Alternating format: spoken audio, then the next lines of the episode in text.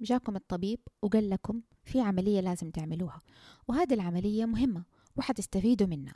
مثلا فلنفرض عملية زراعة القلب لكن الدكتور ده لا شرح لكم المخاطر ولا الأشياء اللي احتمال تصير ولا إيش اللي تتوقعوه من العملية هذه. وفجأة لقيتوا الباب انفتح وقال لكم يلا أدخلوا. حتى من غير ما يقول لكم وقعوا على الموافقة الخطية للعملية. يا ترى راح تكملوا؟ وتمشوا معاه وتكملوا العملية دي ولا حتسيبوه وتمشوا؟ اليوم حتكلم عن مبادئ وأخلاقيات اللي لازم تكون موجودة في أي بحث. أنت كباحث لازم تنتبه لها وأنت كمشارك في أي دراسة لازم تنتبه للعناصر اللي راح أتكلم عنها. ولو ما كانت موجودة فنصيحة من شخص يحبكم سيبوا الدراسة دي ولا تكملوا البحث.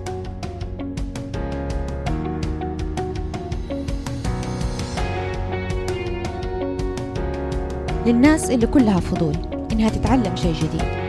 الناس اللي حابة إنها تبحر وسط الصعاب عشان توصل للحقيقة إلا في آخر الطريق. ولإني زيكم أحب العلم واستمتع بجلستي في كرسي الدراسة راح أهديكم البودكاست ده اللي يتضمن خلاصة تعريفية بالأبحاث العلمية. بودكاست علمي والأهم إنه باللغة العربية. يا أهلا وسهلا بكم في بودكاست أبحاث ومعرفة مع مشاعل ديوان. بودكاست أبحاث ومعرفة. زي ما قلت لكم في البداية راح أتكلم اليوم عن المبادئ وأخلاقيات اللي لازم تكون متوفرة في أي بحث.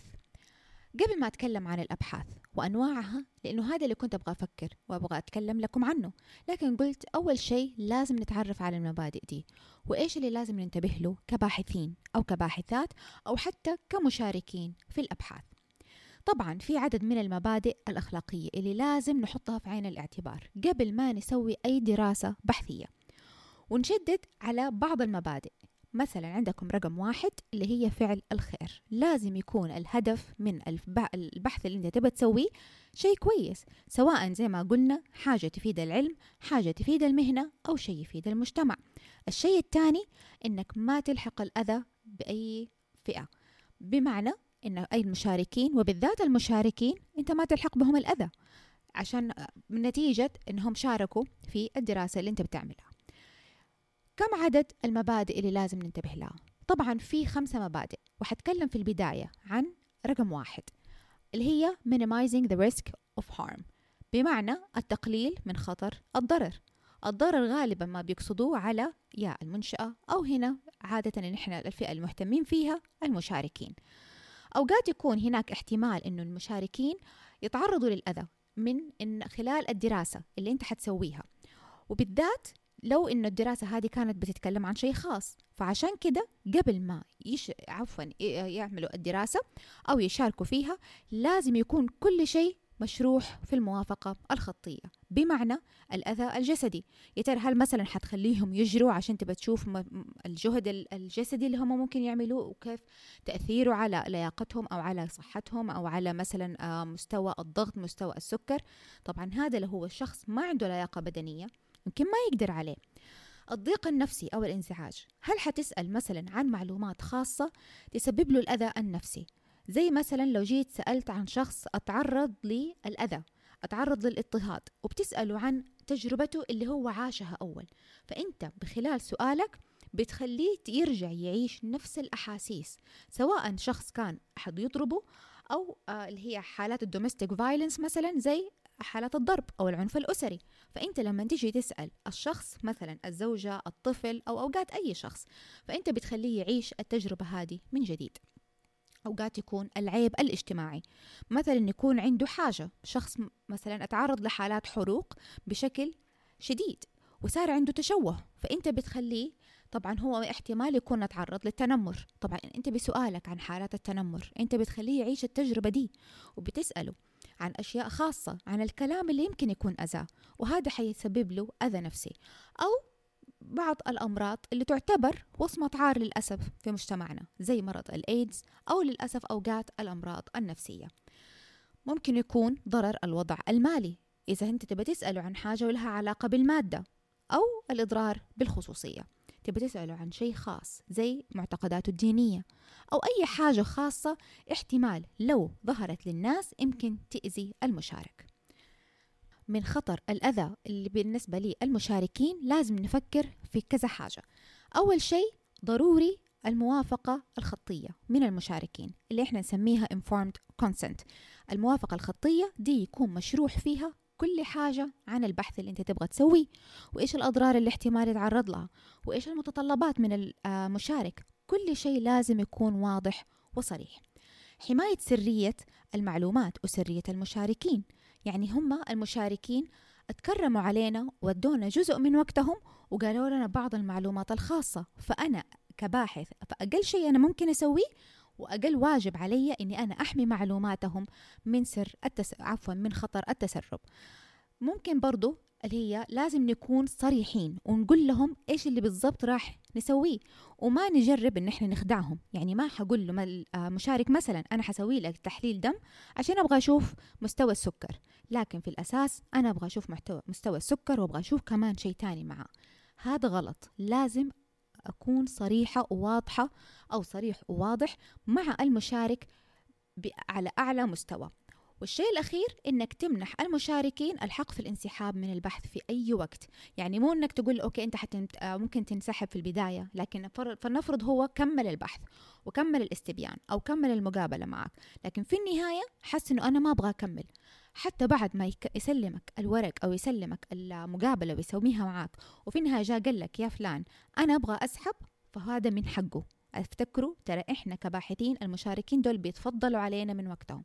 فما مفروض إن إحنا نستغل سلطتنا عليهم. قبل ما أكمل المبادئ والأخلاقيات المفروض إنها تكون موجودة ورئيسية عشان نسوي أي بحث. خليني أتكلم أول حاجة عن تاريخ وقصة الموافقة الخطية. من فين جات؟ وليش بدأت؟ قبل ما أقول الحكاية خلينا أقول لكم أول حاجة. تاريخ اضطهاد ال African American في أفريقيا آه، عفوا في أمريكا. ال African American هم ذوي البشرة السوداء. كان ممنوع عليهم طبعا إن هم يتعلموا وما لهم أولوية في العلاج. فبالتالي لا علاج لا تعليم فبالتالي ما يقدروا يشتغلوا وحالتهم المادية شبه معدومة. وبما أنهم ما هم متعلمين فما في شهادة يعني ما يقدروا يشتغلوا. في عام 1932 بدأت مع مشاركة بين الخدمة الصحية العامة والتعاون مع معهد اسمه تسكيدي. كانوا يبغوا يسووا دراسة يشوفوا تطورات مراحل مرض الزهري وهذا مرض جنسي على المدى البعيد عند أصحاب البشرة السوداء. فشملت الدراسة دي 600 شخص من الرجال السود وكانت فقط رجال. 399 منهم كان عندهم المرض اللي هو مرض الزهري. و200 شخص عفوا 201 ما كان عندهم المرض. فكان طبعا التاريخ المرضي عفوا آه، الفترة آه، للمرض ده ممكن تستمر عقود. يعني مو إنه خلال سنة سنتين تلقى تطورات المرض لا أنت حتلقاها عشان هو له مرحلة أولى مرحلة ثانية مرحلة ثالثة. فعشان يوصلوا ويكشفوا كل المراحل فهذه حتاخذ منهم فترة طويلة. طبعا للأسف الدراسة هذه سارت من غير ما يكون في موافقة خطية واضحة. الباحثين استغلوا إن هو طبعا إنه أن المشاركين اللي هم من الأفريكان أمريكان ما كانوا متعلمين فكانوا بس يقولوا لهم نبى نعمل تجربة على الدم السيء. وكلمة الدم السيء ده مصطلح زمان كانوا يقولوه على أي حاجة لها علاقة بالدم. يعني لو عندك إرهاق لو واحد عنده فقر دم حتى لو أمراض جنسية كلها كانوا يحطوها تحت مظلة الدم السيء. وفي الحقيقة للأسف إن هم حتى ما أخذوا العلاج المناسب لعلاج مرضهم. لكن الباحثين استغلوا النقطة دي وضحكوا عليهم وقالوا لهم إنه مقابل الدراسة حقتكم إحنا حنعطيكم فحوصات طبية مجانية حنعطيكم أكل وجبات مجانية وكمان حنأمن لكم الدفن آه بعد ما تموتوا. إذا حصل وفاة خلال الدراسة إحنا اللي حنتك... حندفنكم وحنتكفل بس كافة المصاريف بشرط إن هم يسمحوا بتشريح الدماغ بعد الوفاة. من خلال القصة دي لاحظتوا كم نقطة كانت لا أخلاقية في التجربة دي اللي صارت؟ فكروا فيها على بال ما نكمل. في عام 1972 لجنة اللي هي مسؤولة عن الأبحاث ولقيت إنه المشاركين هذولا صح ما وافقوا بحريتهم لكن ما كان في أي دليل واضح إنه الباحثين بلغوهم بالدراسة والغرض الحقيقي من الدراسة. هم قالوا لهم بس ضم سيء وخلاص لكن ما قالوا لهم. بالعكس تم تضليل المشاركين وما أخذوا كل الحقائق المطلوبة. وبالتالي الموافقة الخطية كانت تعتبر سيئة. مو بس إنهم ما أخذوا العلاج المناسب حتى بعد ما اكتشفوا في ديك الفترة علاج مرض الزهري عفوا عفوا إيوه صح الزهري اللي هو البنسلين. بالرغم من اكتشاف العلاج لكنهم الباحثين ما وقفوا الدراسة حقتهم واعطوا العلاج للمشاركين. بالعكس منعوا عنهم العلاج بغرض يبغوا يكملوا الدراسة حقتهم ويبغوا يشوفوا البحث هذا يوصل لغاية فين. والشيء الأخير بما أنه ما انشرح لهم ولا شيء لقيوا أنه حتى المشاركين ما أخذوا حق الانسحاب. ما قدروا ينسحبوا طبعا لأنه تم استغلالهم بطريقة مبطنة أنه أنتوا لو انسحبتوا فإحنا ما حندفنكم لو صارت وفاة. طبعا الدفن في أم في في الديانة الاحتمال المسيحية على حد علمي أنك تشتري أرض وتسوي مراسم الدفن وهذا شيء جدا مكلف. ده كان تاريخ أسباب إلزام الموافقة الخطية لما نسوي أي بحث. وبناء على قصة البحث هذا بحث أو قصة تسكيدي فراح نلخص إيش الأشياء اللي لازم تكون موجودة في الموافقة الخطية عشان أي عشان نجي نعمل عفوا عشان تجي تشارك في أي بحث. الموافقة الخطية لازم تتضمن أول شيء أي حاجة البحث يبغاها. يعني أنا مثلا أبغى أسوي في البحث تبعي أسحب عينة دم فأنا لازم أكون واضحة وصريحة أقول لهم أنا حسحب عينة دم. أنا أبغى مجرد أن أشوف أثر المرض على حالتك النفسية فأنا في تحاليل معينة أسويها أو أنه مجرد تعبي لي استبيان. فهذا لازم يكون كله واضح ومكتوب. الأساليب المستخدمة يا ترى أنا هل حستخدم استبيان عشان أشوف الحالة؟ هل حعمل مقابلة؟ هل حكشف على المرض من خلال إن أعمل أشعة مقطعية مثلا؟ التراساوند هل حسوي لك كشف؟ هل حسوي لك عملية؟ هل حاخد منك عينة دم كل شهر لشهرين؟ كل ده لازم يكون واضح. بعدين النتائج المحتملة للبحث. أي حاجة مرتبطة بالنتائج لازم يكون واضح. احتمال زي بعض الدراسات غالبا زي دراستي اللي أنا عملتها وقت الدكتوراه لأني كنت بدرس تأثير سرطان الثدي على الحالة على جودة الحياة عند مريضات سرطان الثدي. فأنا كنت واضحة إنه احتمال أنتوا كمشاركات ما حتجيكم تجربة عفوا ما حيجيكم فايدة في لحظية في وقتها. إنما الفائدة اللي حتيجي حتيجي للمجتمع لأن لما حكتشف من إجاباتكم النقص اللي موجود عندنا في طريقة عملنا إحنا كفريق طبي وده الشيء حيحسن من التجربة في المستقبل عشان لا سمح الله لما يجوا مريضات في المستقبل بإذن الله بإذن الله طريقة علاجنا لهم راح تتحسن. طبعا لازم أكون واضح وصريح كباحث إنه في حسأل أسئلة خاصة. يعني حسألك مثلا عن أمراض يمكن تكون منبوذة من المجتمع زي الاكتئاب أو الأمراض الجنسية. ممكن أسأل عن تأثير المرض على العلاقة الزوجية الخاصة.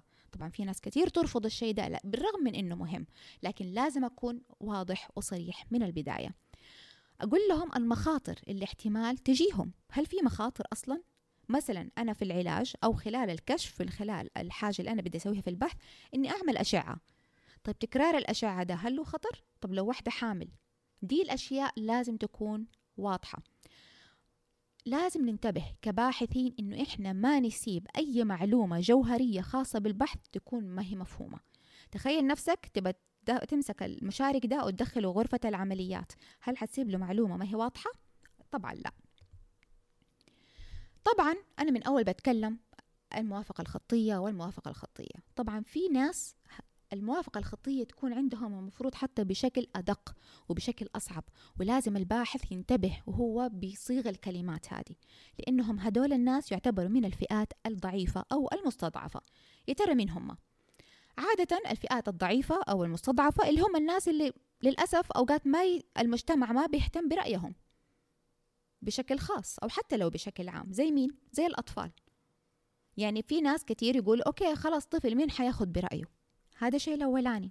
الشيء الثاني الأشخاص الثانيين السجناء. يعني يقولوا أساسا هم مجرمين فما المفروض أني أنا أخذ رأيهم.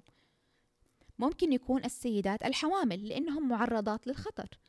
أو ال ال الأمراض عفوا الناس اللي يكون عندهم إعاقة سواء إعاقة جسدية أو إعاقة عقلية. طبعا الإثنين لازم تنتبه وتكون واضح وصريح معهم فوق ما تتخيل كيف حتسوي الدراسة حقتك. وهدول الناس بالذات لازم تنتبه لهم بالذات لو عندهم إعاقة عقلية يعني إعاقة عقلية أو حاجة تأثر على مستوى الفهم زي اللي عندهم Down syndrome مثلا أو اللي عندهم آه، مرض اسمه cerebral palsy للأسف أنا ما أعرف اسمه ده بالعربي. هدول الناس لازم أنتبه وأنا بتكلم معاهم واختار الكلمات واختار الألفاظ اللي أنا بقولها لأنها هذه حتأثر على النتيجة حقت البحث. طبعا في فئات زي ما قلت بعض الأمراض اللي إحنا لازم ننتبه لها وما هو مرض هذا يعتبر مرض عيب لكنه أو منبوذ من المجتمع. لكن للأسف يعني هو لأنه جديد أو أنه المعلومات اللي عندنا إحنا في الطب تعتبر قليلة أو الوعي الاجتماعي عليه قليل فبالتالي ما عندنا معلومات كفاية عنه. زي مرض مثلا أي حاجة في تأثر على الذاكرة زي مرض الألزهايمر لما نيجي نسوي مثلا أبى أشوف كيف ما أثر مرض الألزهايمر على جودة الحياة. عند المريض هذا. طبعا هذا الذاكرة عنده بتكون متأثرة. احتمال حتى وعيه بالمحيط اللي حواليه بيكون مختلف بيكون متأثر. فأنت كباحث لازم تنتبه إنه المشارك ده لما يجي يسوي يعبي معاك الاستبيان أو يسوي معاك المقابلة لازم يكون في حالة وعي تام.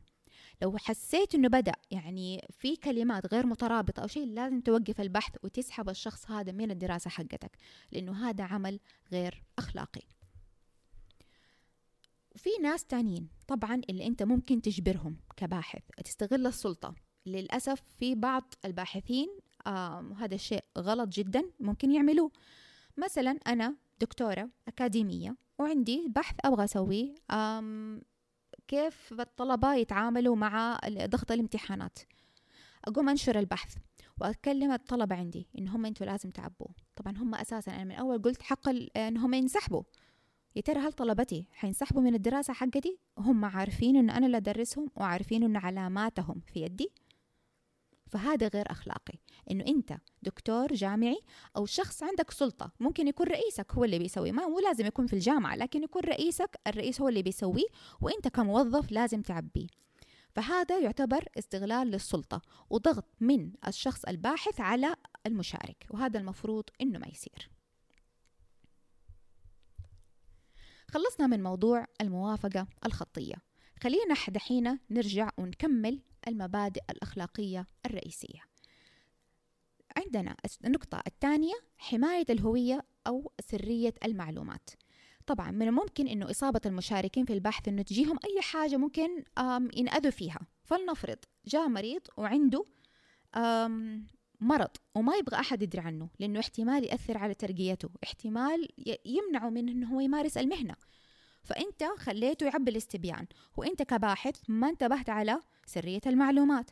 سبت الاستبيان بعد ما هو عبالك هو ورحت وسبته من غير ما أحد يكون منتبه على الورق وإنه يكون في مكان مقفل وجاء شخص واطلع على المعلومات هذه. وبكده أنت تكون أذيته.